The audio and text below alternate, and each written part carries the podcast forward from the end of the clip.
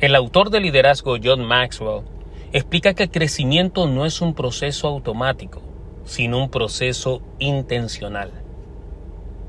Hola, soy Freddy Guevara y bienvenidos a una nueva semana, un nuevo episodio de Freddy Guevara Talks Podcast. Si el crecimiento es un proceso intencional, la pregunta es, ¿cómo te conviertes en una persona intencional con tu propio crecimiento? Tanto personal y profesional, aquí te presento algunas sugerencias para convertirte en una persona intencional con tu crecimiento. Número uno, insiste en empezar ahora. Siempre estamos dando vueltas y no decidimos a tiempo qué es lo que queremos hacer, cómo queremos crecer.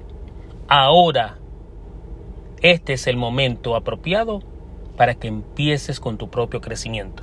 Insiste en empezar ahora. No, imagínate que no existe un mañana.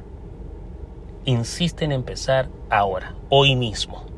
Número dos, aprende frente a los errores. Si no hay errores es porque no hacemos nada. El propósito de los errores no es para culparnos a nosotros mismos, sino para aprender de ellos. Sé intencional hasta con los errores que cometas. Ten todo el propósito y la intención de que cada vez que pase un error o cometas un error, puedas aprender de ellos. Número 3. Toma riesgos. Recuerda, no hay nada sin trabajo duro. No hay nada sin inversión de tiempo, inversión de recursos. No puedes obtener nada si no tomas el riesgo de aprender algo nuevo. Si tomas el riesgo de hacer algo nuevo. Sin riesgos no hay retornos. Sin riesgos no hay recompensas. Sin guerra no hay batallas ganadas ni batallas perdidas. Toma el riesgo de aprender. Es peor el riesgo de no aprender nada.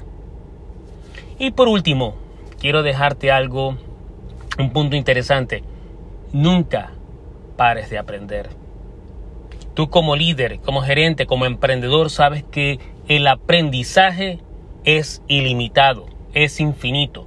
Todos los días aprendemos algo nuevo. Y si tú como líder al terminar el día ves que no has aprendido nada, hay un problema. Sé intencional con tus días. Termina tu día reflexionando y revisando qué nuevo aprendiste en ese día. Espero que estas sugerencias te sirvan para convertirte en una persona intencional. Recuerda que el crecimiento no pasa porque tiene que pasar, ni es un proceso automático. El crecimiento personal y profesional es un proceso intencional. ¿Y cuándo puedes empezar? Empieza ahora mismo. Hasta la próxima.